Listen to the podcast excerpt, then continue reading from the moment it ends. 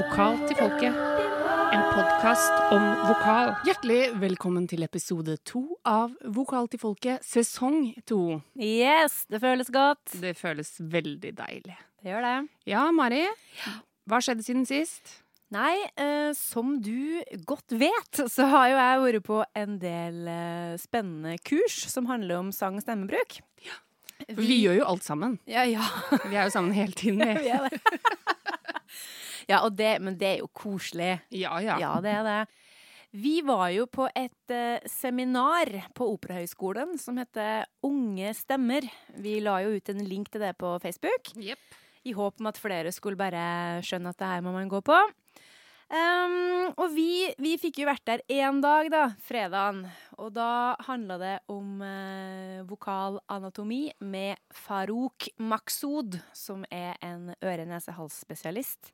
Det var veldig interessant, syns jeg. Ja, det var kjempeinteressant. Vi kjenner jo godt til stemmens uh, anatomi og oppbygging, fordi vi er jo sangpedagoger. Så, så det var på en måte Det er jo kjent, men men samtidig så er det noe med det at han snakka litt om det som, det som kan irritere stemmen og strupen og, og litt sånn ja, do's and don'ts. Ja. ja så det, det syns jeg var veldig, veldig interessant. Og vi, vi, håper jo at vi kan ha en lignende episode kanskje neste år. Ja, absolutt. Ja. Fordi vi vet jo at dere lurer jo på litt sånn med medisinbruk og astmamedisiner og allergi og nesespray. Otrivin, hot or not? ja. ja. Nei, altså Så det var jo veldig, veldig stas. Og så var jo vår kjære Maria Rosanna Wennersten var jo òg der. Ja. Og snakka litt om ja, mye av det samme som hun hadde på vår podkast i fjor. Ja. Så det var jo et fint gjenhør for oss. Ja. Snakka da om uh, som, som, logoped, hvordan man jobber med, med stemmer. Litt sånn dialektovergang og ja, hvordan Så nå sitter jeg og vugger på hodet. Det gjør jeg ofte Ja. når jeg snakker om, liksom, om, om logopedi. Ah, logopedi. Ja, du Ja, liker det. Jeg Ja. gjør det.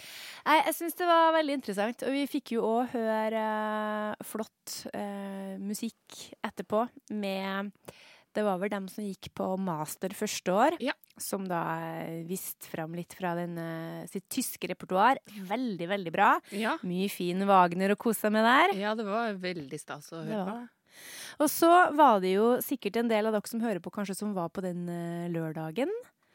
Så da er det jo fritt fram til å starte en debatt eller diskusjon på Ja. vår Facebook-side, kanskje hvis det er interessant. Hva vet du hva det er? Ja, og da handla det vel litt mer om, om på en måte det med unge stemmer. Ja. Unge stemmer. Ikke Merker jeg er veldig nedpå her. Jeg er ikke så ung lenger. Nei. Gamla! Ja, hvordan er det egentlig man skal eh, undervise sangteknikk til en tiåring Ja. i, et, i et barnekor? Mm. Er det noe vits? Ja, og hvor tidlig kan man begynne å synge opera? Var ikke det også et tema, til Ja. Mm. Og litt om hvorfor eh, guttene rett og slett faller fra. Ja. Og det, det er jo interessant, for at noen blir jo, og noen gjør noe annet. Men dem da som gjør noe annet, altså en elleveåring hvor Altså, har du begynt å tenke allerede da på om du skal bli liksom sanger eller ei? Mm. Nei, det, Hadde det du det? Nei, å nei. Hadde du ikke? Det hadde jeg! Nei, jeg hadde ikke begynt å tenke på om jeg ville bli sanger, men om jeg sang. Det gjorde jeg. ikke sant? Ja, nei, jeg hadde Men jeg husker på at jeg starta jo min karriere som, som profesjonell mimer. Det var jo min greie. Jeg, gjorde, jeg var jo super Carola-fan, og jeg dansa. Og jeg dansa gjorde alle de greiene som man skulle. Jeg hadde på meg kostyme, riktig kostyme, klipte håret mitt når hun klipte håret sitt. Og, og gjorde liksom alle moves, alt sånn. Men det jeg ikke gjorde, det var å synge. Ja. Ja. For det, det, det er jo på en måte showbiz jeg har vært interessert i hele tiden. Synging kom i andre rekke. Og du vet hva de sier? There's no business like show business. Ja, det, det er veldig bra. helt, helt sant. Ja, det, altså, ja, jeg visste jo at du har drevet mye med miming, men at, du var liksom, at det var der det starta. Ja, Det nei, det starta faktisk der, altså. Ja. Ja. Jeg har lært mye av det òg. Ja, Det blir mye fokus på formidling. Da, kan man si. det blir det. Men var det noen spesielle artister som du mam? Eller mame? Nei, det var? Carola, Ja, og, det var- og det var henne. Bare henne, hennes repertoar. Men det, det var alt det spente fra liksom fra engelsk til norsk. Nei, ikke Ja. norsk, men svensk, Ja, selvfølgelig. ikke sant? Ja da. Så det var alle um, Alt innenfor sjangeren Carola. Ja. Ja, ja, men det, det Altså, hun har jo holdt på noen år. Absolutt. Så hvis du skal ta opp den karrieren som profesjonell uh, Carola lookalike, eller uh, mimere så, ja. ja. Nei, altså, jeg, ja, jeg mima Jeg tror ikke jeg Nei, jeg tror ikke jeg eh, mima mame mom. Veldig artig. Ja. uh, liksom på samme uh, nivå som deg. Men jeg har jo vært Nei, det skal ganske mye til, skal jeg si deg, for det Ja. jobba jeg sykt mye. Ja. Så det tror jeg nok ikke du var på samme Nei. nivå som meg. Nei, jeg Nei. var nok ikke det, altså. For jeg var litt mer opptatt av å på en måte bare synge. Ja, det, det er noe med det. Det kanskje, det kanskje var like greit, tenker jeg da. Men eh, jeg har jo uh, herma mye etter eh, Carola og Mara Mariah Carey og Shania Twain opp igjennom, og Sarah Brightman, ikke minst. Shania Twain, jeg visste Ja, ikke at ja. det var på repertoaret. Du, altså, jeg har to av hennes plater på repertoaret. Den ene plata som jeg innbiller meg heter The Woman in Me. Den er altså Den, den er så fin. Det er, det er tacky på en sånn herlig Nashville-måte. Ja. Og det jeg syns den dag i dag at det, at den, det lydbildet er helt magisk. Men jeg tror nok at veldig mange andre vil synes at det er helt hårreisende. Men jeg elsker det. Jeg lærte meg alt som hun holdt på med der. Jeg tror jeg kjøpte den på Free Record Shop en gang jeg var i Trondheim eller noe sånt, og hørte på den hver gang mamma, pappa eh, og lillebror var ute av huset. Så var det rett og slett å bare skru på den på anlegget og bare stå og synge med. Ja, Der lærte jeg meg alt jeg kan av sånne countrytriller og sånn. ikke sant? Ja. Ja. Vi burde egentlig tatt, eh, hatt en hel episode om det med liksom eh, herming og etteraping og liksom kopiering og litt Ja. sånn ja, trender. Det burde vi. Ja, Det kan hende det kommer. det kan tenkes. Men du, Mari, vi Ja. har jo vært på et kurs til nå. Ja. Vi har ikke bare vært på Unge stemmekurs, men vi nevnte i forrige episode at vi skulle på Estil-kurs. ja. Og det har vi vært på. Og vi har jo eh, bare starta nå. Men nå Mhm. har vi testa ut litt av det vi snakka om med Ole Anton på, eh, på den, eh, i den episoden hvor han var eh, på besøk. Ja. Og det var, eh, det var veldig ålreit. For det første var det veldig hyggelig å være hos Ole Anton. Vi var jo hjemme hos han. Ja. Det var veldig koselig. Kaffe fikk Ja, vi, og det var voldsomt til oppvartning. Men han er også en veldig bra lærer, syns jeg. Lugn og flink og kunnskapsrik. Absolutt. Og jeg føler at jeg har forstått litt mer av Estil nå. Men det er sammensatt. Men hvis jeg skal oppsummere, da, så føler jeg Nå kan du si om du er enig eller ikke. mm. Jeg føler at Estil er på en måte det, Og dette er fra mitt hode, altså. Så dette er ikke en sånn offisiell eh, eh, eh, Uttalelse. ja, betegnelse Ja. for dette. Dette er fra mitt hode, da, sånn jeg tenker som elev som har så vidt begynt med det her. Jeg føler at Estil er en skole eller metode hvor man får kontroll på alle de små bestanddelene som man jobber med når man synger. Så man skal da kunne kontrollere hver minste bestanddel. Er du enig? Altså Ja. alt fra strupehode til eh, tunge til eh, skjoldbrusken. Altså, man skal kunne kontrollere hvordan man bruker disse bestanddelene, bestanddelene, og så skal man kunne kombinere det på ulike vis. Ja, det, det syns jeg var en veldig bra oppsummering. Er du enig? Ja, fordi at jeg har strevd litt med å kunne sette ord på hva er det egentlig det er. Ja. Fordi at når vi var der og gjorde de øvelsene, og når jeg har gjort litt øvelser på egen hånd, så, så jeg kjenner det veldig på kroppen at det er at det gjør godt, og at det er en mye mer ja, for meg forsvarlig måte å gjøre enkelte ting på. Men jeg har ikke klart helt å Ja, å kunne si liksom Hva er det? Men det, det der er jo Er du, ja, jeg vet ikke om det Ja, blir men, riktig, om Stille ville vil være enig, men det er sånn, sånn jeg føler Ja, det, da. Men han, eh, altså, han demonstrerte jo en del lyder og Mm. øvelser, og han har jo fullstendig kontroll på dem.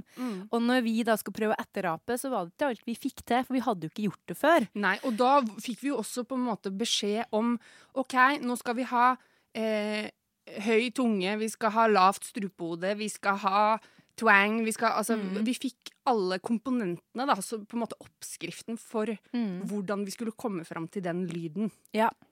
Ja. Og da er det ulike sammensetninger av de ulike bestanddelene. Ikke sant? Ja. Og der òg er det jo litt sånn at du må jo Først må du på en måte eh, finne ut hva du skal gjøre. Hva er oppgaven? Ja. Og så må du utføre den, og gjenta den. Og så sett den jo. Og så kan du kontrollere den. Nettopp. Yes. Og det er klart, du må, når, du får beskjed, når du får beskjed om at det er på en måte seks-sju ting som skal skje, som du skal gjøre med kroppen din, du skal altså sånn og sånn og sånn og sånn, da er det klart at når du ikke har jobba så mye med det, så kommer det ikke automatisk. Du må tenke veldig. Ja. Så det, det er nok en metode som tar litt tid å komme inn i. Man må trene mye på det. Mm. Men jeg syns det det var veldig interessant og spennende. Ja. Ja. Jeg husker du hadde en sånn twang-åpenbaring. Hadde jeg? Det husker ikke jeg. Nei, så bra. Men jeg hadde sikkert det. Jeg følte jeg hadde mange åpenbaringer, Ja. egentlig. Men Nei, men jeg husker at vi For vi skulle drive og twange, og så Ja. var det et eller annet med at tunga skulle liksom ja, lenger opp mot ja, tennene ja, ja, bak. ja, ja, ja, nå husker jeg det! Ja, Og du bare Oi! Ja, for jeg Ja. på en annen måte. Ja. Ja, for jeg Girl, get the twang on. ja, tvenga! Nå ble det veldig, eh, veldig fornorsk her. Ja, den skulle Han mente at tunga skulle ligge mot Var det ikke med jeks... På en Ja, måte ikke sant? bakere Ja, lenger bak, da, Ja. på en måte, enn det jeg har tenkt. Ja. Ja. Nei, det, det er helt riktig. Fikk en sånn, generelt var det tungenes eh, Dag. dag for meg, altså. For Ja. jeg fikk også hjelp til et tungespørsmål som jeg hadde, eh, hvor jeg sang et eller annet hvor Det er en frase hvor jeg føler at jeg legger tunga mi på en rar måte på en vokal. Og så Mm. spurte jeg Ole Anton om hva, hva skjer her. Jeg, jeg føler at den stenger for, og så sa han det at jeg, han tenkte at jeg kanskje generelt snakker og synger med litt tjukk tunge. Ja. ja Så nå jobber jeg med å på en måte tynne ut den tunga, da. Ja. Smalle den litt. ja. Ja. Så det var, det var veldig spennende. Tunge er altså en issue som jeg må jobbe videre med, da. Ja. Det tar jeg med meg videre. Bra. Vokal til folket når du trenger litt ekstra vokal i monitor. I september så hadde vi besøk av selveste Lise Davidsen, som jo er en av Norges nye store fremadstormende operastjerner. Mhm. Hva slags forhold har du til klassisk sang, Mari? Ja, klassisk sang. Du vet, jeg begynte jo ganske tidlig å, med liksom å ta, ta sangtimer fra jeg var ti år. Men, men jeg eh, var nok en litt sånn snodig Snodig elev, for jeg, jeg forsto liksom ikke helt den hodeklanggreia.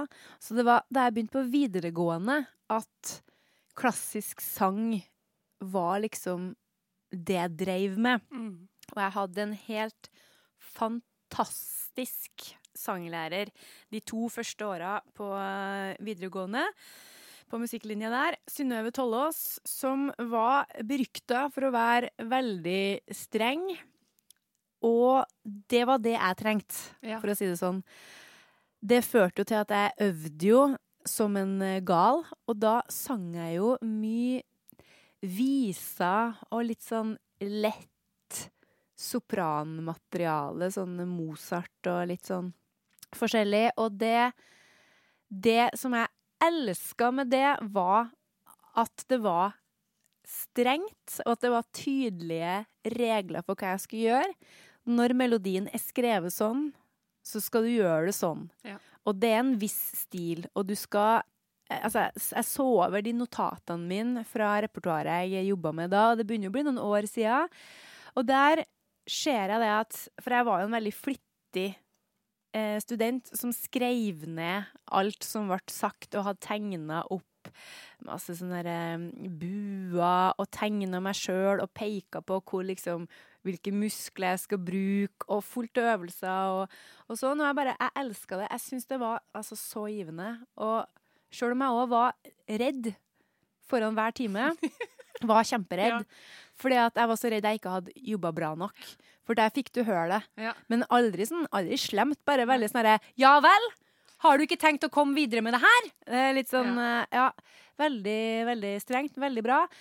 Min stemme eh, skjønte aldri helt uh, hva den skulle gjøre i det klassiske, fordi jeg, eh, jeg sleit veldig med å få liksom binde sammen eh, topp og bunn. Jeg hadde så ekstrem sånn registerknekk, så det var, det var, vondt og slitsomt og stress å synge.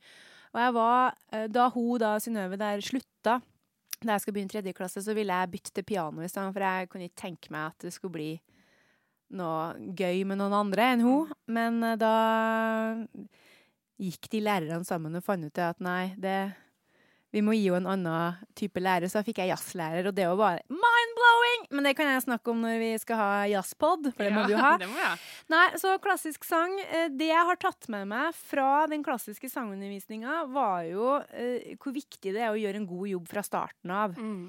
Og jeg, eh, sjøl om jeg da ikke har sunget da had, Jeg slutta jo å synge klassisk på da når jeg begynte i tredje på videregående. Så gikk jeg gjennom en lang utdanning og har styrt på å synge mye annet. Men i og med at jeg syns det er fin musikk, og jeg er veldig glad i i, liksom, i Wagner-opera og sånn, så har jeg hørt mye på det, og jeg har lenge tenkt at det der er ikke noe som min stemme klarer. Men nå tar jeg jo klassiske sangtimer, Mm. og syns at det er Ja, jeg elsker det. Det er så artig å jobbe med stemmen på den måten. Både fordi at det er uvant, samtidig så er det kjent, på en måte. Ja.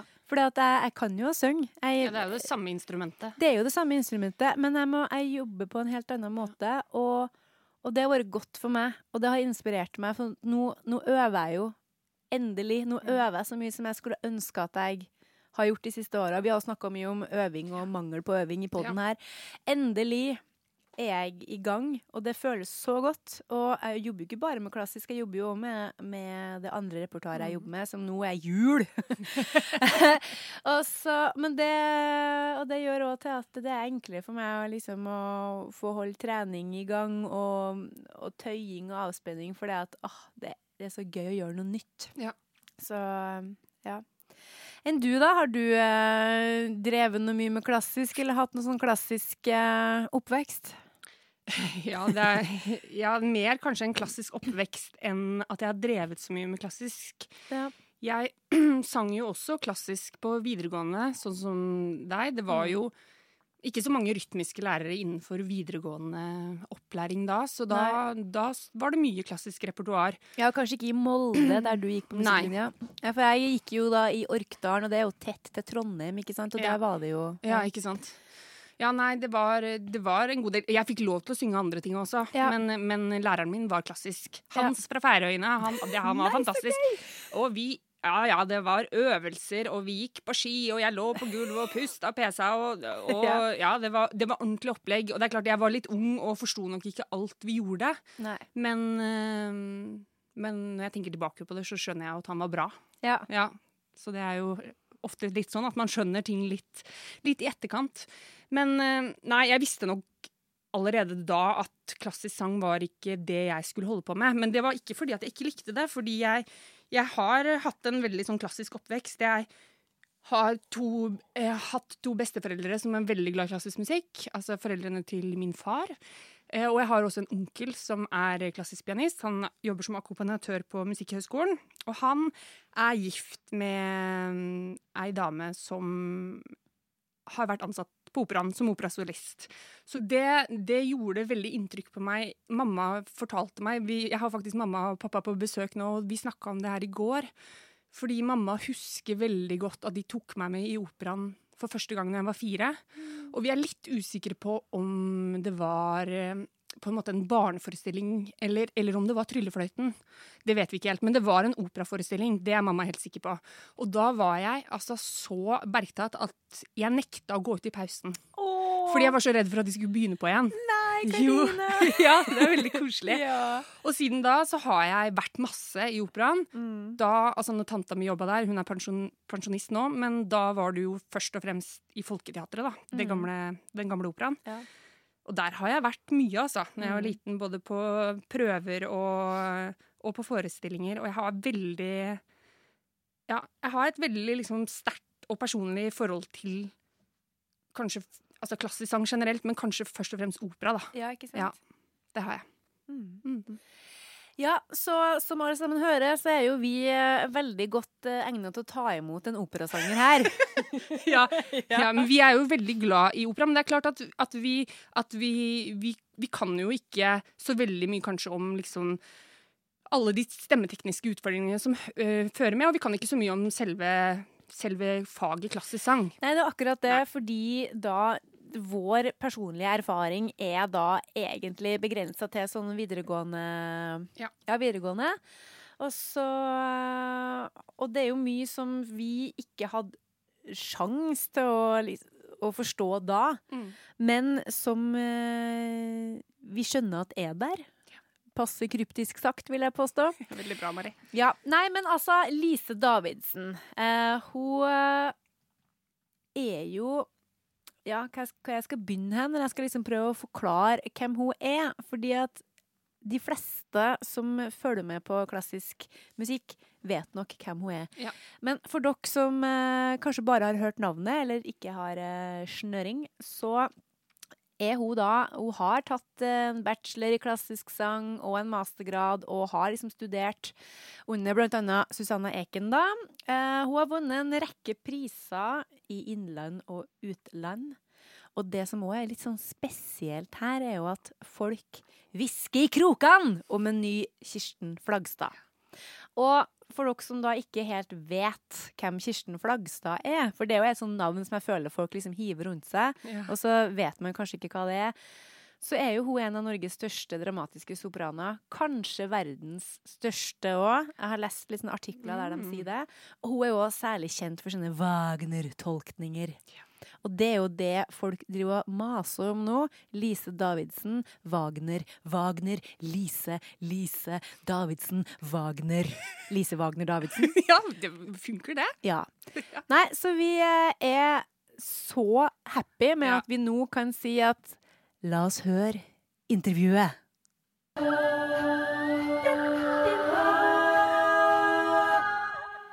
Hjertelig velkommen hit til Vokal til folkets podkast, Lise Davidsen. Tusen hjertelig takk. Det er veldig hyggelig å være her. Endelig er du her. Det har vi gleda oss til. Ja, vi har gleda oss, og vi syns det er veldig stas at du tar deg tida til å komme til oss. Nå er det jo i slutten av september, og du er her i, eh, i Oslo.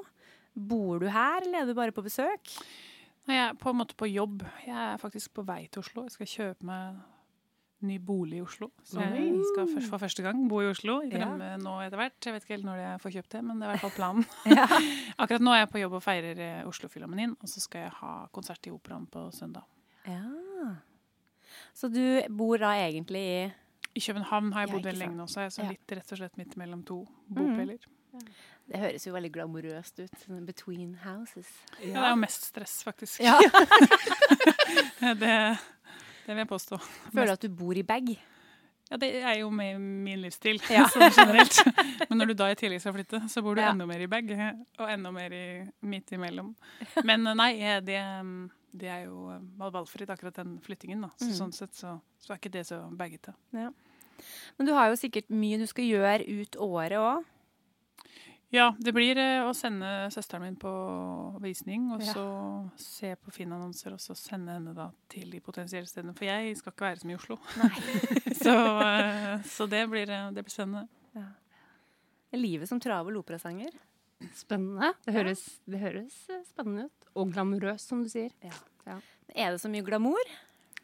Nei, Det kommer jo veldig an på hvordan man ser det. da. Jeg føler jo at det er eh, stas med alle jobbene. Jeg syns det er gøy å få lov til å være på alle de stedene og, alle, og synge med så gode folk. Og gode scener og, og roller som jeg har drømt om å gjøre. og sånn. Så det er jo eh, glamorøst sånn sett. Men eh, alle som har reiselyst, vet jo at en reise er en reise, liksom. Det, mm. kan bli kun så glamorøst som du er villig til enten å betale for, eller å, å legge inn av, av tid og krefter i det. Men uh, akkurat reisingen syns jeg er stress. Men det å være borte syns jeg ikke nødvendigvis behøver å være noe problem. Kommer an på selvfølgelig hvor lenge jeg har vært borte, og, og hvor vanskelig jobben er, og hvor, Ja. ja, hvordan man er mentalt. Har du noen du reiser sammen med, altså, eller reiser du for det meste aleine? Jeg reiser for det meste aleine. Det hender jo på en måte familie som kommer på besøk, men, eh, Ja. men det er mest alene, ja. Ja. Mm. Du har liksom ikke noe team eller noe sånt nå? Team Lise. som eh, er med crew. jeg har jo noen som på en måte, hva skal man si, som jeg jobber med, da. Ja. Altså agenter og liksom press og sånne type ting, og, og plateselskap og de folka der. Men, men det er mer på mail og telefon, og hvis Ja. det er store liksom, premierer eller store eventer eller sånn, så er de der. Ja. Men, eh, men alle prøver og alt sånn er, eh, er alene. Mm. ja. Blir det ensomt? Ja, det kan jo bli det. Um, altså Når jeg jobber med opera, så er jeg jo ofte lenge et sted, og så er liksom produksjonen veldig sånn altoppslukende, og så når man kommer hjem da, så er det sånn Takk, nå trenger ikke jeg flere folk. Ja, så er det greit. Men sånn som nå når jeg er i Oslo nå, så nå er det kjempefint, for da kan jeg besøke venner og sånn, men sånne type ting, sånne konsertting, så er man så inn og ut. Så er det sånn hei, ja, så er det, synger man det man skal, så går man liksom til garderoben, og der er det ingen, og på hotellet er det ingen. Og, og hvis man gjør det over en lengre periode, så kan det jo bli litt sånn ensomt, men eh, jeg prøver å fokusere på at jobben er såpass gøy, og at jeg, Ja. jeg er såpass takknemlig for at jeg får lov å gjøre det, at, at det er greit, Ja. egentlig. Det er en del av pakka. Ja, og så har jeg så, såpass mye jobb og mye forberedt og mye sånne ting, så det, jeg syns liksom allikevel dagene går, altså. Ja. Men når det blir drittkjipt, så selvfølgelig, da, da, da blir det ensomt. Ja. Men da har jeg funnet ut at det kan være ensomt i Oslo òg. ja, ikke sant? Det er jo sant, det, altså. Ja, så lenge man trives så, Ja. og gjør det man har lyst til å holde på med. Mm. Men var det liksom dette du har tenkt hele tiden at du skal gjøre? Var det dette du så for deg når du var liten? Å nei, det var det ikke. Når jeg var liten, så trodde jeg vel kanskje at jeg skulle bli som moren min, eller noe sånt, som er vernepleier, da. Ja. Det var liksom det som var kanskje drømmen. Jeg har ingen musikere i familien eller noen som har drevet med kunst i det hele tatt. Så jeg visste ikke at uh, man kunne leve som operasanger. Eller sanger generelt, egentlig. Jeg visste ikke at det var uh, Jeg visste ikke helt åssen det funka, eller at det var noe. Så um, Nei, det tok ganske lang tid, og det tok nok lang tid for meg å komme inn i musikk generelt. Var når jeg var sånn 15-16, så begynte jeg liksom å synge og spille gitar, og så tenkte jeg at det var det jeg skulle gjøre, og drive litt med det, og så ble det musikklinje, og så Der måtte vi liksom synge litt av hvert, da. mm. Og få litt sånn inn, innblikk i alle sjangere, og da ble det litt mer klassisk og litt mer kor. Det var kor og liksom barokkmusikk som ble Ja. min vei inn, da.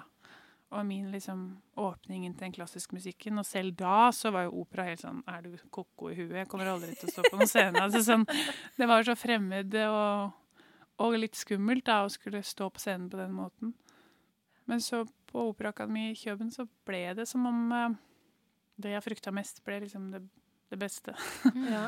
På en eller annen måte. Kanskje det var fordi jeg fant ut at det var sånn jeg også kunne formidle noen følelser og noe jeg hadde Ja. behov for å, å formidle. Da. Men eh, begynte du, på, altså begynte du rett på bachelorgraden din etter, etter videregående? Ja. Ja. Jeg søkte liksom på ja, her i Oslo på Barrattue og Musikkhøgskolen, og så i i Bergen, da. Mm. Men jeg kom bare inn på Barrattue, så jeg kom jeg på venteliste i Bergen. Mens fordi jeg hadde familie der, og fordi jeg liksom en eller annen måte, på en eller annen grunn hadde en eller annen lyst til å dra dit, så valgte jeg Mm. den å komme på venteliste. Ja. Hvordan var liksom årene i, i Bergen sånn for deg musikalsk sett? Ja, det var en enorm læringskurve, da. Fra null til 100, på en måte, egentlig. Eller sånn, Ja. var jo, da var jeg mezzo, så jeg sang liksom veldig mye sånn mezzo-barokk-repertoar, som for så vidt er langt fra det jeg gjør i dag. Um, men også veldig lærerikt. For jeg, jeg tror nok hvis noen hadde liksom pressa meg inn i noe annet for tidlig, så hadde jeg nok slutta. Mm. For jeg så ikke for meg at jeg skulle drive med det. Det var veldig sånn Ja, men det er gøy. Og jeg kom inn, det er jo kjempespennende. Mm. Jeg tror ikke jeg så for meg at dette er det jeg skal leve av. Men det var mest fordi jeg ikke visste åssen. at jeg så ikke det for meg at det var innkomst. Altså, det, um, det var veldig ukjent, da. Ja. Men eh, der hadde jeg valgfag og, og med barokkmusikk og lærte liksom alle Ja, all, all teorien og alt det der. Og, og det Jo mer jeg gjorde, jo gøyere syns jeg jo det var, egentlig. Mm. Men for det der er sånn som vi syns er litt sånn uh, fiffig. For du, for du var mezzosopran, Mhm. Men nå er du ikke det. Nei, nå er jeg liksom sopran, da. Ja, ikke sant? Og det der Vi har, vi har noen sånne derre vi vi har noen ord som vi trenger fagfolk. Eller vi Ja. har noen ord og noen sånne og noen uttrykk, setninger vi har hørt, og vi kan ta det første nå. Altså, Det første mezzosopran. nei, det, det, det tror jeg vi kan. Ja da. ja da. Vi har sunget litt i kor. Ja da, og, og det, tenker, det er jo ord som folk har hørt før. Men det med stemmefag Ja. For det er sånn som eh, Vi kommer jo fra en litt mer sånn rytmisk eh, tradisjon, og der snakker vi ikke så mye om stemmefag. Eh, og jeg vil tro at flere av våre lyttere og ikke går rundt og, liksom, og tenker så mye på det, men i den klassiske verden så er jo det det snakkes mer om, da. Ja. Kan du forklare oss hva, hva det vil si? Ja, jeg tror egentlig mm, Jeg skulle ønske at man snakka mindre om det, Ja. for å være ærlig. Fordi det er jo sang eh, Sang er sang, men jeg tror eh, Hvis jeg skal liksom si hva det er, da, så er jo f- stemmefaget altså Da har vi liksom de eh, sopran, alt, tenorbass er liksom den eh, hoved... eh, Ja. liksom som man kjenner fra kor osv. Og, så og så kommer faget kommer liksom fra operaen. Der kommer det fra liksom en form for systematisering av roller. Sånn som eksempel hvis jeg kan si at jeg er da lyrisk, dramatisk sopran. Det er på en måte to ting, pluss sopran. ja. Og om på en måte ti år så er jeg på en måte bare dramatisk sopran. Så det er liksom en sånn utvikling i det, og det er liksom mest fordi at OK, lyrisk dramatisk sopran, da kan du synge de og de og de og de rollene. Mm. De passer til deg. Er du en koloratursopran, da synger du alt det som liksom går sånn hele tiden. Da er det de rollene du synger. Er du lyrisk, så er du de rollene. Er du en lyrisk mezzo, og så kommer disse tingene, titlene legger seg da til sopran og alt, tenor og bass, og så baryton osv. Så, Ja. Så det kommer på en måte derifra. Eh, det jeg syns kan være vanskelig, er den derre enorme behovet til å legge disse to foran. Mm. Jeg har gjort det fordi at folk er sånn Ja, hun er dramatsopran. Så jeg er sånn Hei, kan vi holde litt tilbake? Fordi Mm. hvis jeg sier det i Tyskland, hvis jeg på en måte har liksom Jeg kan jo absolutt kalle meg det, jeg vet det. Men jeg har også på en måte lyst til å si at eh, ja, men jeg er ikke, jeg er ikke 45 ennå. Nei. Så jeg har litt mer tid, og det betyr at jeg også har litt mer lyrisk på en måte, klang da, i stemmen min. Eh, og også da kan på en måte tilegne meg noen andre roller. Men jeg tror også når jeg studerte, så når jeg da ble sopran, da når jeg møtte Susanne Eiken, som, som dere jo har snakket om med og, om før, um, hun sa jo nei, men du er sopran. Og da var jeg student, og da var det veldig viktig for meg å ikke være det. For jeg var sånn, ja, men det er jo hele min identitet. Hvordan kan du ta fra meg mezzoen Ja. min og alt? Altså, så jeg tror nok kanskje det handler litt om det at man, man bruker disse titlene, man bruker det også for seg selv. da. At ja, men det er dette jeg gjør, dette er det jeg kan, dette er det jeg, det jeg liksom går på audition med. Da. Mm. Og også for agenturer og castinghus og alle mulige sånne ting, så er det sånn Det kommer inn igjen. Hun er kollatursopran. Så kan de si OK, du prøvesynger med den og den sangen. Mm. Hun er kollatursopran. ergo kan du også synge dette. Så yeah. det er liksom Det er en form for, eh, for hjelp, da, i, i bransjen. Men Ja. altså, jeg mener jo også at man Jeg kan også bare si at jeg er sopran. Ja. Og så syns jeg også at jeg også bare kan si at jeg synger, på en måte. Ja. altså, man, man kan liksom, det kommer helt an på Ja. hvem man snakker Ja. med, eh, og hvor man er. Noen land Ja. er liksom helt opphengt i det, Mm. og noen sangere er helt opphengt i det. Og så er det andre steder hvor det ikke er så veldig viktig. Og kanskje særlig sånn som med min stemme, da, som jo fortsatt har den mezzolyden. Jeg sang alt eh, i et verk eh, for, ja, forrige uke i, i Bergen. Og da kom det jo en bort og bare Er du alt? Er du mezzo? Er du sopran? Jeg, bare, ja, men jeg skjønner godt at du blir frustrert, ja. Ja. fordi det, man vil liksom ha én ting, og så plutselig så kommer det noe annet. Og, så, Ja. og da tenker jeg ja, men det, det vil jeg heller ha som en fordel. Og så Mm. Mm. selvfølgelig rollemessig og på en måte min profil ligger et annet sted, men det er ikke det samme som at jeg ikke også kan gjøre andre ting. Da. Det her syns jeg er så fascinerende. Det er, kjempe- det er ikke noe transpose-knapp i den klassiske verden, for å si det sånn. For vi er jo litt sånn, vi synger jo det vi vil, og så bare, bare legger vi det litt opp og litt ned etter hva som passer oss. Ja. Men Det er jo noen sangere som gjør det, men er Ja. ikke, du kan ikke gjøre det i opera. rett og Nei. slett. Du kan ikke bare si sånn 'unnskyld, gidder å legge den ned'. Jeg, det er noen ganger de gjorde det før, tror jeg, så var det litt ja. mer eh, rom for det. I noen eh, komponister, da. Men, eh, men jeg kunne aldri kommet til å gjort det, nei. nei. Nei, jeg skjønner jo det. Dessverre. Mm. Men er det, er det sånn at det Er det liksom Før man kanskje blir voksen og fornuftig, er det sånn at det er noen sånne typer det er om å gjort å være? Liksom, åh, At koloratursopran er liksom Det er det beste? Fins det noen sånne kategoriseringer? Og så spør du meg, så ville jeg sagt absolutt nei, fordi jeg syns det jeg, jeg synes kanskje særlig sånn hvis man er på bachelor, da, så Mm. skulle jeg bare ønske at det var større rom for, for fleksibilitet. Mm. Fordi det er, stemmen er ikke ferdig utvikla, og det tar så lang tid. Og den burde Mm. få lov å prøve seg frem. Og det er kun ved å prøve seg frem at man også finner ut av hva man er. Og det er Mm. noen de kan jo liksom si at bare fordi du ser sånn ut, så er du sånn. Ja. Og det er jo fullstendig tullball, fordi du må jo høre, og du må også kjenne etter hva stemmen din funker til. Og hvis den ikke funker til det læreren sier, eller hvis ikke den funker til det du har lyst til å synge, ja, vet du hva, da kan du ha så lyst du bare vil. Du får ikke gjort det. Og det er litt det sånn der, Kanskje selvfølgelig mitt fag, det er jo veldig sånn Det er ikke så mange av liksom de dramatiske sopranene. Det er ikke så mange liksom av de ja, som, som på en måte får synge de rollene, og jeg er kjempeglad for at jeg får lyst til å gjøre det. Men Mm. man må også da huske at før så var drømmen min å gjøre barokkmusikk. Ja. Og når stemmen min hva skal man si, passer og ville noe annet, så Mm. fulgte jeg også den. Og det er Ja. også mye av grunnen til at jeg er her. For jeg har ikke trumfa gjennom en hel drøss med Johannes-personer bare fordi at det var gøy.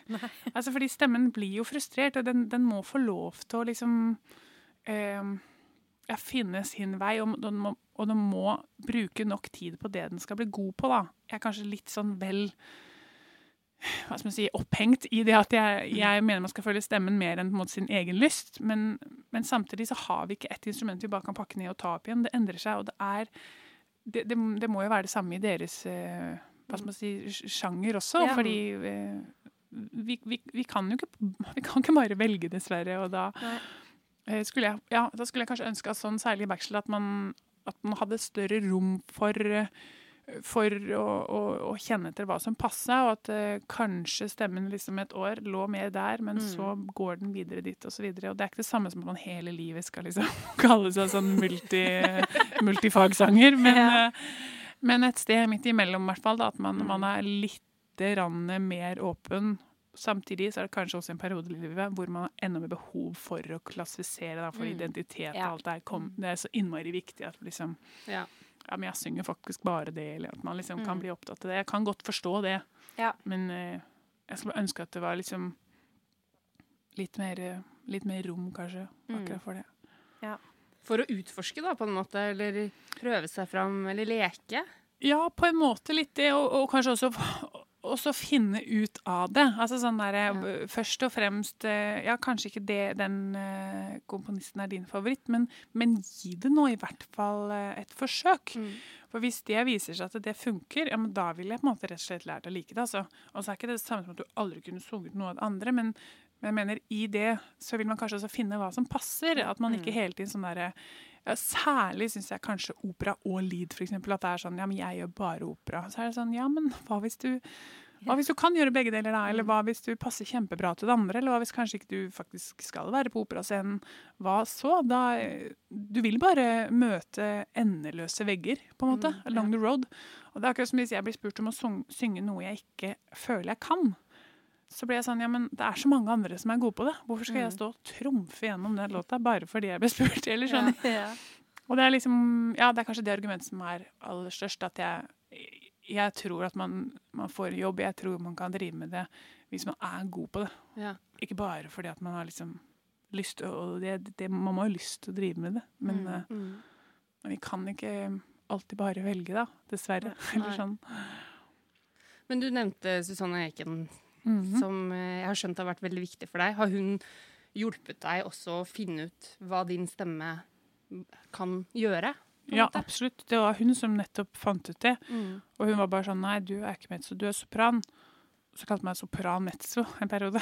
Bare for at jeg liksom sånn mentalt skulle komme meg inn i det. Men det kom jo litt det mentale også. ikke sant? At Hun var jo veldig opptatt av at jeg skulle venne meg til det. Jeg skulle venne meg til den lyden, jeg skulle venne meg til den klangen, jeg skulle venne meg til hvordan min stemme låt i det repertoaret. Det er mange sånne identitetsting. Og hvis man da hele tiden har gått og tenkt jeg er noe helt annet, så er jo det helt fint. Men da var det faktisk noen andre som sa ja, men dette er det du skal gjøre, dette er det du passer til. Og etter hvert. Og det var jo det var ikke noe endring. Det var ikke sånn nå gikk jeg fra etablert mezzo til etablert sopran. Det var jo en utvikling, og det var nettopp det Ja, det var den utviklingen som, som for, fall for meg ble så viktig, da. Men, men jeg føler at alt jeg gjorde som mezzo og som på bachelor, jeg kunne jeg heller ikke vært foruten, og det sa Susanne òg. Mm. Det er bra det at du har etablert den bunnen, det er bra det at du, du har jobba med alt det, og musikalitet og hva med musikk? og det er mange ting man lærer eh, på en måte along the road, men, men eh, hun var absolutt den som hva skal man si, har lært meg det jeg eh, mest av sånn teknisk da, som, som jeg kan som sopran i dag. Ja. Så det var jo en mental omstilling da, når du på en måte skulle tenke at du var sopran istedenfor. Mhm. Men, men hvordan har du jobba teknisk? For jeg hørte på vei opp hit, så hørte jeg på et radiointervju. Det var litt tilfeldig faktisk at jeg havna inn på et et gammelt radiointervju med portrett med Susanna Eiken, og der var du. Der dukka du opp. Det var, mm. Da var du ganske ung. Eller det her var jo 2011, så det var liksom før det virkelig har tatt av. Um, og da, um, da snakka dere litt om denne prosessen. Uh, og én ting er jo på en måte det mentale, at man må, man må snu litt om på ting. Men Susanna sa også at du var en veldig dyktig og pliktoppfyllende elev, og at du jobba, jobba veldig bra. Har du hørt det intervjuet? Forresten? Ja, ja, ja. ja. Eh, men at du jobba veldig, veldig bra teknisk også, og, og jobba ordentlig med ting, og tok ting på alvor. Hvordan har jobba du teknisk? Nå er jo Susanna en enorm teknisk lærer, da. Det er nettopp det hun kan. Hun kan liksom si gjør sånn, sånn og sånn. Eh, nå blir det jo ikke sånn med mindre man gjentar det nok ganger. Eh, og det er kanskje liksom det jeg har gjort. Jeg husker Operaakademien, det var først fra første til andre året. Da hadde jeg liksom pause på typisk sånn to måneder eller halvannen måned. Jeg var så drittlei. Og jeg bare Jeg skal aldri mer synge. Nei da. Så skulle jeg begynne igjen, og da jeg forkjøla i tillegg. Og det tok altså så lang tid å få det i gang igjen at jeg har siden da hatt to-tre dager fri, med mindre jeg har vært syk. Det kan nesten liksom med hånda på hjertet si. Eh, tre, kanskje fire dager maks er det jeg lar meg ta fri hvis jeg har langt fri. Ellers så øver jeg teknikk hver dag. Og det er jo nerd, og det Forbilde. er tull. det, er tull liksom, eh, det er jo lett for meg da å holde den oppe, fordi jeg skal så mye, og nå jobber jeg jo hele tiden, så det er lettere. Men, men jeg, tror, jeg tror på det. Jeg Mm. tror at det er det som, som, som gjør at jeg har um, At jeg får de mulighetene jeg har. Og jeg husker også Susanne snakke om at eh, man skal øve for sitt, øke sitt bunnivå. Og det har jeg erfart eh, flere ganger, hvor stemmen og formen ikke er bra. Så jeg tenkte at jo, men det er ting du kan noe, og du må ta med deg det inn. Og om ikke man på en måte føler eller er på topp, så vil man alltid klare et eller annet eh, som er innenfor nivå, da, eller innenfor det nivået man selv ønsker å, eller vil være på, slash er på. Ehm, og jeg kjenner mange kolleger som kan holde lang fri, men jeg tenker da kjenner man sin egen stemme. da. For meg i hvert fall så funker det eh, aller best å ha fri hvis jeg kan øve litt om morgenen. da er jeg bedre menneske, venn og eh, familiemedlem. Ellers så blir jeg litt sånn muggen. Jeg tenker jo at det, det sier seg jo på en måte litt sjøl òg, for at du er jo Altså, nå er jo du oppe på et eh, veldig høyt nivå, og du har Du har et stort publikum, ikke bare her i Norge. Og det er jo Det kommer jo veldig mange forventninger til deg, ikke sant? Så jeg, så jeg skjønner jo at, uh, at du ikke tør å liksom tenke at ja ja, men det gikk, det gikk jo så bra. Og jeg har jo noen gigs neste måned, så nå, nå tror jeg kanskje at jeg bare kjører noen reruns av eh, Sex og singelliv og tar det derifra. Men, men hva gjør det med, med en sanger når du vet da at hele verden lytter? Ja, det kan jo gjøre at man blir eh, litt nervøs, det. Eh, ja, hva gjør det? Altså, det er jo veldig sånn Noen ganger når jeg kikker på kalenderen min, så kan jeg på en måte kikke på den, og så får jeg sånn som jeg har hørt har blitt beskrevet som et lite angstanfall. så tenker jeg sånn Nei, det kommer aldri til å gå. Eh, og så må jeg på en måte rykke tilbake og så ta liksom en ting av gangen. Et år frem, et halvt år frem, og aller mest en jobb frem. Eller Ja. sånn. Eh, man må jo selvfølgelig øve og planlegge og liksom lære ting uten at alt greiene der, det er, jo en, eh, det er jo en jobb i seg selv eh, å planlegge det.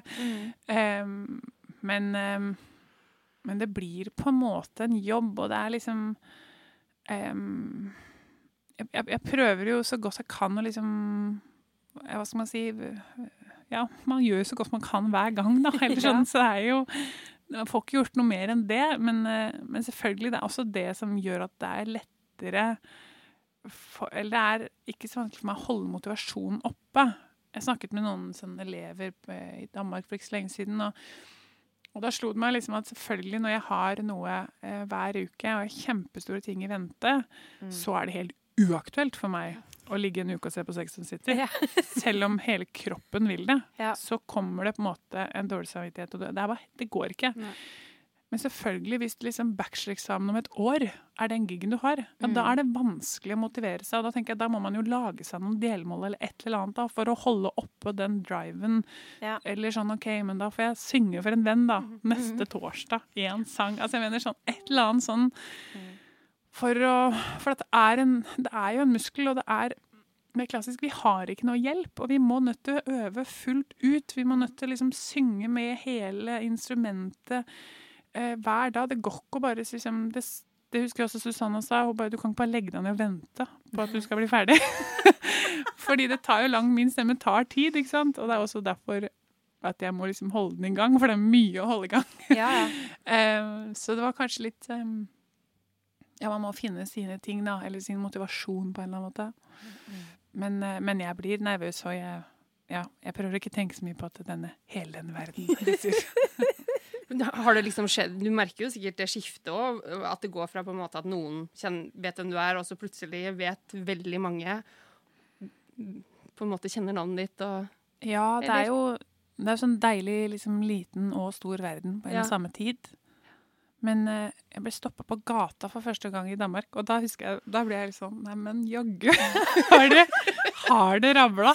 Jeg tror det var engangstilfellet, altså. Men det var første gang jeg liksom tenkte sånn Å nei. Ja, nær, for jeg nærma meg operaen, da. Selvfølgelig. Det er jo Hadde jeg vært hvor som helst annet sted, så er det ingen som vet hvem jeg er. Men, men, eh, men ja, det er jo eh, Særlig jeg var i Tyskland i sommer, og, og det Ja, det er jo rart at, at liksom ja, folk følger etter og, og er med og, og vet hvor man skal og vet hvor man har vært og hvordan det gikk og ja, alle mulige sånne ting. Og kanskje også at folk kommer på konsert for å høre altså, deg. De kommer ikke nødvendigvis for å høre en konsert eller en, Ja, høre musikken, men høre på deg, på en Ja. måte. Jeg pleier alltid å liksom uh, skjule meg bak at jo, men uh, de kommer jo fordi de liker operaen. Mm. Og så skal jeg ha konsert nå i Operaen i Oslo, og så ble den utsolgt. Og så ble jeg sånn Ja, men er det pianisten de kommer for? Jeg tenkte at nå må du også ta inn da, at folk har lyst til å høre deg. Og det er Ja. kjempehyggelig, og jeg blir så Jeg blir oppriktig rørt av det. Men, eh, men også skummelt, Ja. som rakkeren.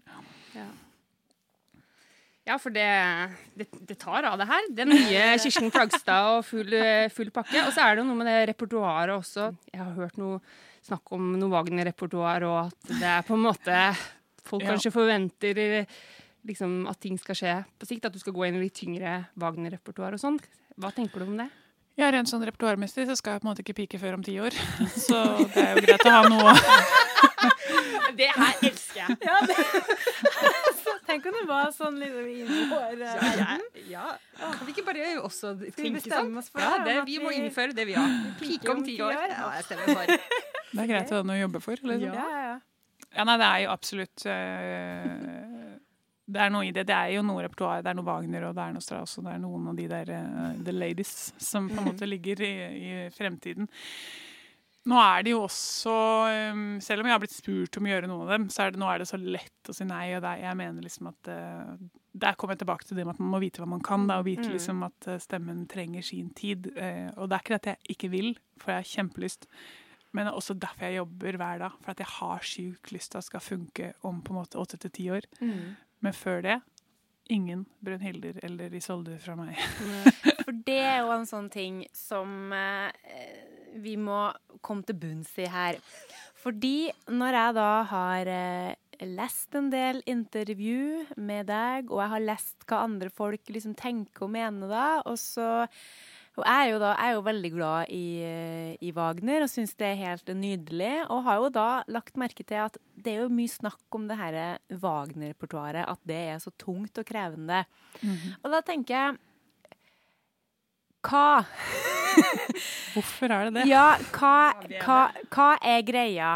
Eh, og nå, nå spør jeg på en litt sånn uh, veldig naiv og, og dum måte, fordi at jeg ønsker, hvis du, hvis du, for du vet det jo sikkert, kan du liksom forklare sånn derre Wagner fordømmes? Hva, Ja. er det som, hva er det som gjør at det er så mye verre enn så mye annet? For det første så er det lengden på operaene. De er jo liksom en, altså tre akter.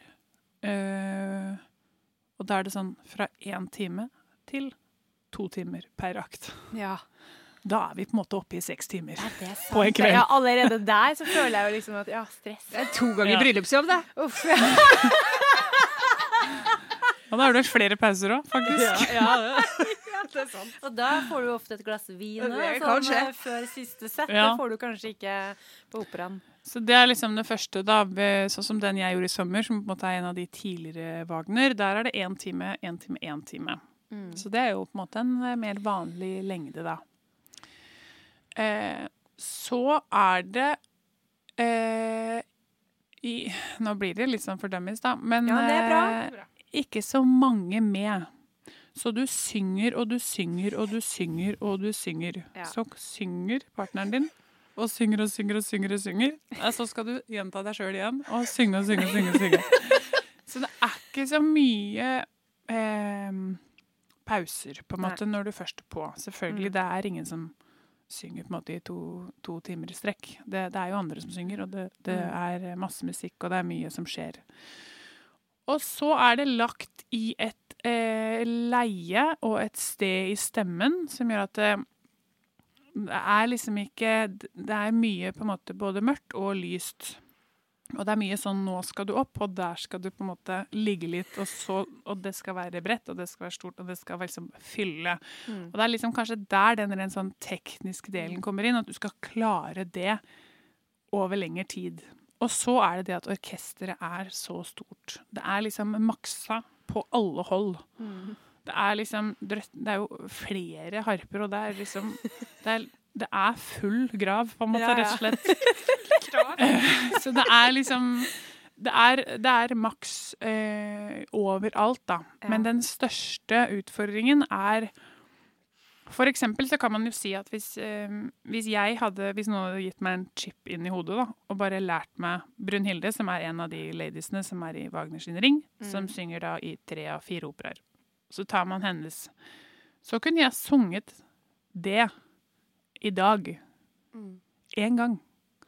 Men du skal jo ikke synge det én gang. Du skal jo synge det hver dag. Seks uker Ja. prøvetid. Ja. Generalprøve, forestilling. Det er det at du må ha en stamina som er, er langt forbi Mm. akkurat bare det å synge det. Og man kan jo si noen Mozart-operaer er jo vel så lange, de er vel så krevende, men det er noen restativer innimellom som krever noe annet. Det er mindre besetning, og det er ofte på en måte ja, Noen ganger i hvert fall da, et litt mindre rom også. Mm. Så det er mange elementer. Mm. Men så er det også det at det liksom det er skrevet også for noen stemmetyper det ikke er så fryktelig mange av. Og derfor har det også liksom blitt en litt sånn eh, ja, nisje på en eller annen måte, da. Ja. Og så er det krevende. Det er eh, i Solde, da, Tristan og Solde, som, som jo er en av de andre hvor på en måte begge rollene er kjempekrevende. Der skal jo liksom hun i Solde til slutt synge Libestot, liksom. Da har hun stått og sunget og sunget og sunget. Og så er det sånn, kommer slutten, så sitter man sånn Nå kommer den. Så tenker man bare sånn Stakkars deg. Man får jo helt sånn Og da skal man liksom med helt 100% ro levere operalitteraturens vakreste arie. Altså sånn, Du kan jo ikke gjøre det når du ikke har erfaring eller stamina, da. Da hjelper det ikke hvis stemmen liksom bare gjør en liten sånn eh, knekk på en måte. Altså, da må man ha et overskudd, og da må man liksom ja, ha stamina. Jeg blir sliten bare av å høre på det jeg der. gjør Jeg kjenner liksom at uh, Vi tar det om ti år. Jeg kjenner at svelgsnørerne bare liksom pakker sammen her. ja, nei uh, Det der syns jeg var en veldig, veldig fin forklaring. Nå, eh, nå skjønner jeg eh, enda mer, og så tror jeg òg at våre lyttere òg kanskje legger legger ned den derre Brunhilde-boka og går og finner seg litt lettere materiale. Ja. Men om ti år, da kan alt skje. Da kan alt skje. Altså, eh, om ti år, da. da. Vi ringer deg om ti år, og så hører Ja. vi Jeg håper at jeg kan si at jeg kan synge det. ja, Da kommer vi dit du er, med, Ja. med vårt portable studio, og så bare Hei, hei! Nå er jo du et forbilde for mange. Har du noen musikalske forbilder, eller sangere som du liker å høre på? Jeg har liksom ikke sånne eh, noen sånne, altså sånne enkle Jeg syns ofte at, at Eller jeg har liksom lært så mye av de jeg har sunget sammen med òg. Um, og så er det noen av de selvfølgelig liksom de der kjente sopranene som jeg lytter til, men jeg har liksom aldri hatt den der ene. Hun der eller han der, alfa og omega, på en måte. Mm. Så jeg har ikke hatt liksom sånne Ja, den ene. Det er litt sånn repertoarbasert, rett og slett. Litt Ja. sånn ja, det der liker jeg veldig godt når hun gjør, eller jeg syns han er god på det, eller Mm. Så jeg er litt sånn splitta akkurat der, egentlig. Får du liksom gå- dratt rundt og lytta noe særlig, eller er du så opptatt med egen jobb at du på en måte er i de prosjektene du jobber i og hører folk der, eller får du dratt og hørt konserter og Så det blir jo mye eget, rett og slett. Ja. Og da er det jo gøy å høre de man er med, da. Særlig på opera. At man får liksom hørt Noen ganger så blir man jo ordentlig glad for å være på scenen med noen, fordi man får høre de synge arien kveld etter kveld etter kveld. Ehm, men hvis jeg er lenge et sted, så hender det jeg får hørt en produksjon eller en konsert eller noe. Men når jeg, så, så nå når jeg bare har konsert, så er jeg på prøve hver dag. Da er huet mitt altså fullt Ja. når kvelden kommer. Ja, den kjenner jeg meg enig i. Ja, det er jo forståelig. Ja. Men eh, ha, hører du på Å, Det er så dumt spørsmål, for du gjør jo selvfølgelig det. Eh, hva hører du på når du ikke hører på opera? Ja, da hører jeg veldig mye på podkast. Ja. Har du noe Da hører jeg på dere. Da har vi det på tape! Yeah, Save! Vi må save.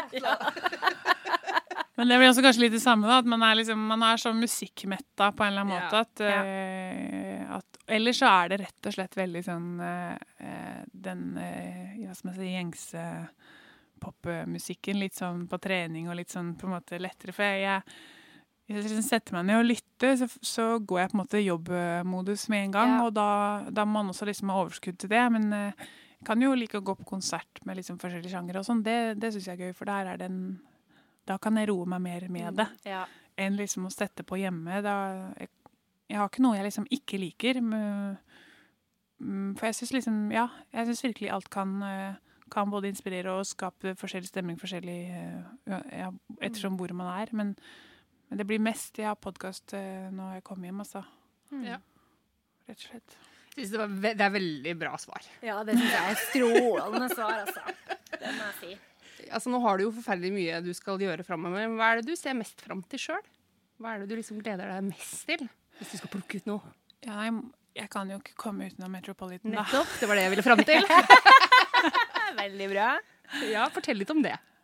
Ja, nei, det er jo eh, noe som har vært planlagt en stund, og, og, og, og merkelig nok eh, Jeg husker når jeg studerte, så var det liksom folk bare sånn Ja, Metropolitan. Og jeg bare sånn Ja, gøy. Jeg vet ikke ikke jeg hadde sett det for meg engang. Det var så fjernt. Um, men eh, men jeg, jeg gleder meg til det nå. Det begynner, jeg begynner å glede meg. Angsten har liksom lagt seg litt. Uh, og, og jeg har jo gjort rollen før, som jeg skulle gjøre denne sangen i Stuttgart i, ja, liksom for et år siden. Så jeg har litt ro på det. Og så er det jo Silje Petrenko, som er sjefsdirigent for Oslo Fremien, som skal dirigere, og vi har liksom snakket litt sammen. Så det er flere elementer som jeg liksom føler meg litt trygg ved. Og så er det selvfølgelig huset og alt det der, da, som vil være sånn førstegangsgrei.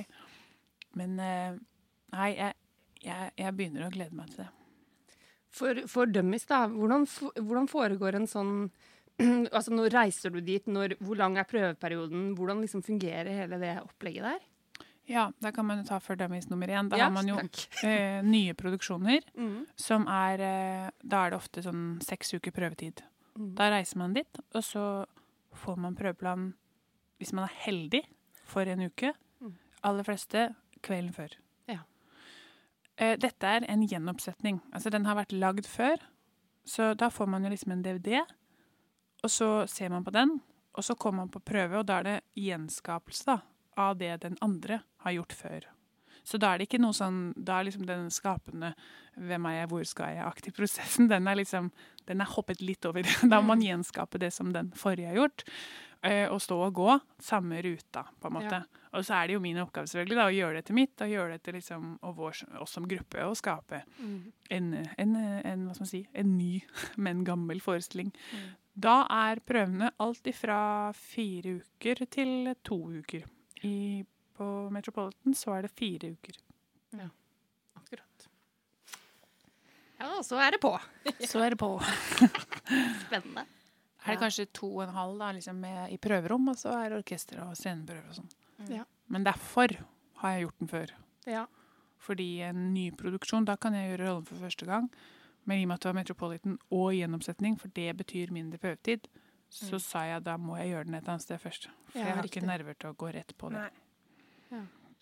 Nei, Og da var det noen som bare ordna det? Ja, det høres jo veldig dumt ut, men det var vel egentlig noen som Det var vel en agent som på en måte gikk på jakt etter en eh, Queen of Spades i Ja. Europa, Ja. og fant det. Ja. Rett og slett i dette tilfellet, da. Ja. Fordi eh, ja, det, det ble planlagt såpass lang tid i forveien nå at det var mulig. det, Ja. Jeg sa jeg er villig til å gjøre hva som helst, hvor som helst. Jeg skal bare synge den. Ja. Så da var det litt lettere. Ikke sant.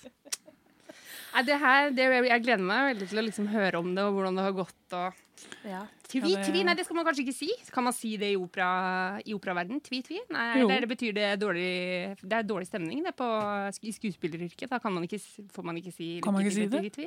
Jeg vet ikke. Jo, er ikke Ja, tvi-tvi, vi sier toy toy. Ja, Men det er toy, sier vi. Ja. Toy, toy. Ja, men det er fint. Toy, toy. Toy, Liksom toy. voi, voi. Det er ikke sant. Men altså, vi skal gå mot en avslutning nå, fordi eh, det vet jo ikke dere, kjære lyttere, men det er seint på kvelden, og vi vet jo bedre enn å, eh, å, å holde operasangere våken. Det skal vi jo ikke gjøre. Nei, det må vi ikke gjøre. Nei. Men jeg har et siste spørsmål, og det er litt sånn derre For jeg syns du er Man blir jo veldig motivert til å jobbe eh, når jeg eh, hører på deg nå. Men Jeg kan eh, ha rabadaras, det er ikke meningen å fremstå som sånn Ja, men jeg øver også så mye. Jeg, det er ikke alltid jeg følger planen. for å si sånn. Nei. Det var òg litt godt å høre. Ja, det, takk. Men jeg tenker, men hvis du kan si Jeg skjønner jo at man skal øve, eh, men er det andre ting du på en måte er nødt til å liksom, ta hensyn til for å holde instrumentet ditt ved like? Altså, er det Må du liksom eh, ikke noe melkeprodukter, du må jogge timevis. Du må ha minst ni timer søvn, og det skulle gjerne ja, henge opp ned. Vet du, søren. Altså, hvis jeg hadde fulgt alle mine indre tanker om det der, så hadde jeg ikke kunnet vært der nå, det er jeg sikker på. Da hadde jeg gått samme veien, spist altså så Ja. gørrende kjedelig. Jeg hadde en forestilling en gang hvor jeg spiste altså noe sånn eh, Noe sånn fiskesnitsel kvelden før hver forestilling. Fordi at jeg hadde fått for meg at det var derfor det var bra. Og da hadde jeg sju eller åtte forestillinger. Og da var det liksom Vet du hva, Alicia, dette må du bare slutte med. Fordi dette er tullball. Og jeg, jeg kunne hatt Altså, jeg kunne hatt så mange, så jeg har bare sagt meg selv det er bare tull. Eh, selvfølgelig noen ting har man, men altså sånne der kan ikke spise, må ikke gjøre, kan ikke sove. Fordi da vil, er det jo dømt også til å gå dritt. Hva med den dagen du ikke fikk sove i ni timer, da? Ja, ja. Så er det sånn Det går faktisk ikke å synge i dag. eh, så, men jeg kunne lett, da. Jeg kunne lett hatt noen sånne. Og da er det vanskelig hvis man bor på hotell og plutselig ikke får den frokost man vil ha. Eller. Fiskesnitselen.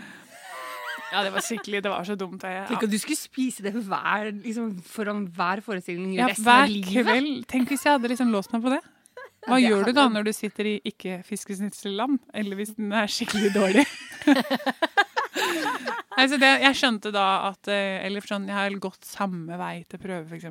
Mhm. Så jeg tenkte i morgen må du bare gå en annen vei. Eller så tror du at det er derfor det går bra. Ja. Så nei, jeg har ikke noen sånne Jeg har ikke noen faste ting. Jeg, jeg gjør eh, yoga ofte på forestillingskonsertdag. Det er litt sånn for å restarte liksom, å kjenne at hele kroppen er i gang. Mm. Og så, og så trener jeg jo både for å fyre av eh, frustrasjon og, og, og sinne og litt sånn forskjellige ting, men også for å funke på jobb, da. Selvfølgelig. For å liksom kjenne at jeg Jeg har ikke lyst til å være den som ikke kan noe, på en måte. Mm. Fordi man fysisk ikke orker, eller hva skal man si. Sånne ting. Um, men det er, ja, det er todelt um, Hva skal man si? Ja, både fordi jeg, jeg liker det, og, og det er litt sånn mitt fri, frirom. Ja. Mm. Men, men også ja, for, å, for å være i form, da. Um, men akkurat sånne ting jeg liksom ikke spiser eller ikke Ja, jeg liker også å sove litt sånn før sånn midt på dagen. Litt sånn for at jeg Ellers så kunne man jo våkne om morgenen og liksom sittet og vært nervøs og venta til man skulle synge. så jeg kan på en måte slappe av litt og gjøre yoga sånn før man skal komme i gang, da. Så man liksom restarta dagen litt på en Ja. eller annen måte. Så ikke alt går i, i konsertmodus hele tida. Da blir det jo ikke noe annet, da. Og litt av siesta har jo aldri skada. Deilig, det. Ja, det er digg. Ja, i hvert fall noen ganger liksom har jeg sånn at jeg bare legger meg ned litt, i hvert fall. Ja. For å, ja. Så kan man liksom Noen dager så, så kan man jo gå tur og være ute på, på formiddagen, men andre ganger så er jo kroppen går helt i dvale. Så jeg lurer på åssen jeg skal komme meg i, i form i det hele tatt. Men, men så er det som om den liksom sparer på energien. Jeg vet ikke. Men um, det varierer veldig. Drikker du mye vann, du? du har sikkert hørt at vi Jeg har hørt at dere hatt drikker noe helt sjukt med vann. Vi jobber jo med saken, da. Det går jo det går dårligere og dårligere, for vi snakker veldig lite om det for tida. Så nå, men nå spør jeg deg, Lise Davidsen, drikker du mye vann? Altså, jeg var eh, Jeg hørte det Periscope, jeg ble sjuk i, i München, og da sa han legen Hvor mye vann har du drukket? Ja. Og så hadde jeg på en måte ikke drukket så mye den dagen. Det var, det var morgen. Og da fikk jeg sagt liksom på en måte en halvliter, men jeg hadde også drukket litt, da. Så han bare det er altfor lite. Så jeg bare ja, men klokka er jo ti, jeg kan ikke ha Ja. gulva ned på tre liter nå. Nei. Og så hører jeg at man bare skal drikke når man er tørst. Ja. Ja. Men eh, nei, jeg prøver å, å drikke vann, men det er litt, når jeg reiser, er jeg veldig flink. Mm. For at da vet jeg at eh, da, da er det sånn, da drikker jeg ikke kaffe, men da drikker jeg vann, liksom. Mm. Men i hverdagen, altså. det det er, er veldig jo godt å høre. Godt Ja. med noe annet enn vann hele tida. Men det er kanskje når man øver, da, så drikker man jo vann for liksom Jeg tenker Ja. det, Og litt om morgenen og litt om kvelden, så har man vel uh, fylt Ja. opp de Ja. depotene, kanskje. Ja, det der er på en måte Det derre vannopplegget har jeg tenkt mye på siden vi fikk høre det på Vinterakademi, at her skal det altså drikkes til alt som kommer ut igjen, er blankt. Og da og jeg, Ja, det er jo Men vet du det er vanskelig. Ja, det er vanskelig. Og så, og så har jeg snakka med jeg har snakka med så mange folk. Jeg har snakka med sykepleiere som syns det hørtes helt gale-Mathias ut. Ja. Og så tenker jeg jo at jeg tror, jeg tror nok at de fleste har godt av å drikke litt mer vann. Men jeg tror òg at ingen er tjent med å gå rundt med sånn vannmage og, og, og liksom og bare Men jeg har ikke partyblære heller, så jeg flyr jo ut og inn på do Ja, som ikke en sant? Ja, ikke sant? Og går rundt og har dårlig, ja, dårlig samvittighet for at man ikke får drukket vann. Du må jo selvfølgelig du må drikke når du er tørst. Ja, også hvis du er Ja, og på hvis du, trening. ikke er, hvis, du, hvis du ikke er i form, da, så kan man på en måte hjelpe kroppen litt. Altså, ja, til å få ting Ja. ut. Eller da kan jeg godt forstå Ja. argumentet at ja, men ja. For da var jeg syk, og han bare sånn Du må drikke vann, du må på en måte Ja. hjelpe deg selv. Mm. Ja, den er helt med på. Ja.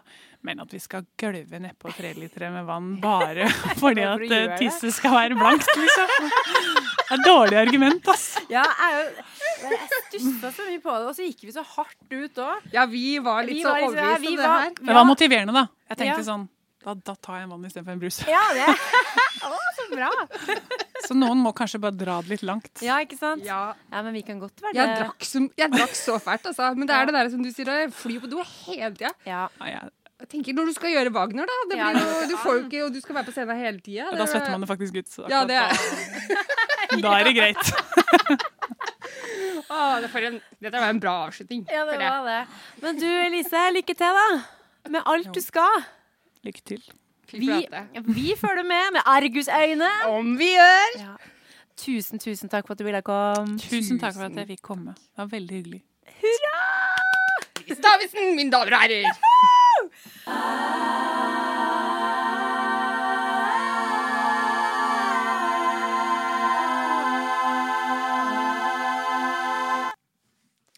Det var Lise Davidsen, det.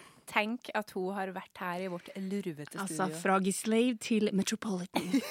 Ja, der har du en slogan. Det har vi. Ja, nei, men hun eh, Hun er jo ei veldig trivelig dame. Absolutt. Kunnskapsrik Yes. og øh, veldig Jeg vil si beinhard, jeg. Ja, hun jeg synes er hun, var, hun, er, hun er tøff, altså. Hun er det. Det er ikke noe, det er ikke noe tullball. Hun, hun veit hva hun vil og skal og kan. Ja. Og det er Det er ordentlig opplegg. Og så merker du det at hun er Hel ved. Ja, hel ved! Ja, ikke var ikke det bra? Ja, Ja. ja, virkelig. ja, er det. Definisjonen på hel ved. Ja, og så er hun veldig trygg Ja. i seg sjøl, tenker jeg da. Jeg Ja. oppfatter henne som veldig trygg. Kanskje ja, ja. hun eh, ikke syns det sjøl, men, men jo, jeg oppfatter henne som veldig trygg på sitt eget, eh, sin egen musikalitet. Ja. Hun vet hva hun vil. Ja. Og, jeg, og som vi har snakka om litt på kammerset her, eh, Fransen, så det er jo ikke rart at hun kommer dit hun vil. For Nei. hun jobber grundig. Altså, hun Altså, hun øver hver dag Ja. for å holde det i gang, for at sånn må det bare bli. Ja. Der, der har vi noe å lære. Ja, men du er jo Altså, jeg kan ikke snakke så mye for meg selv nå, for jeg har litt andre ting jeg holder på med som må, må gjøres. Men, Ja. men du har jo virkelig fulgt opp, både etter, etter at vi snakka med Lise, men også etter Ja. at vi har vært på kurs. Ja. Du har blitt veldig inspirert, tror jeg. Ja, jeg har blitt det, altså. Fordi det er jo sånn som uh, Susanna Eken nå øh, har sagt, at use it or lose it. Og det jeg tenker litt på det nå, altså. Nå som jeg uh, Altså, jeg føler meg overhodet ikke så veldig gammel. Men jeg innser jo det at jeg blir jo ikke noe yngre heller med åra. Men det er, det er jo Du har jo god tid til å pike. Ja, ja, jeg håper det. For det jeg har tenkt på, hva om vi egentlig har pika og ikke fikk det med oss? Å nei! Jeg pika liksom eh, som 28-åring, men jeg fikk ikke helt med meg. Det er trist. Nei, altså, fordi det som, har- det som har slått meg i det siste, det er at eh, jeg må jo altså, For jeg konkurrerer ikke med noen andre enn meg sjøl. Jeg, vil bare- jeg vil bare bli så bra som jeg kan uh, få blitt. Og da er det jo veldig artig at det kommer sånne liser Ja. inn her og bare Nei, her skal det jobbes. Og sjøl om jeg ikke har tenkt å bli noen Wagner-tolkner, så har jo jeg lyst til å bli, bli så bra som jeg kan få blitt.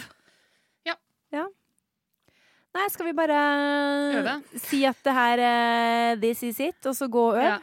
Ja. det syns jeg. Vi skal. Ja. For, en, eh, for en bra episode. Ja, helt enig. Ja, fytti rakkeren, den naila vi, ass. Vi naila den Sammen med Lise. sammen med Lise! Yeah. Woo! Takk for nå. Ha det!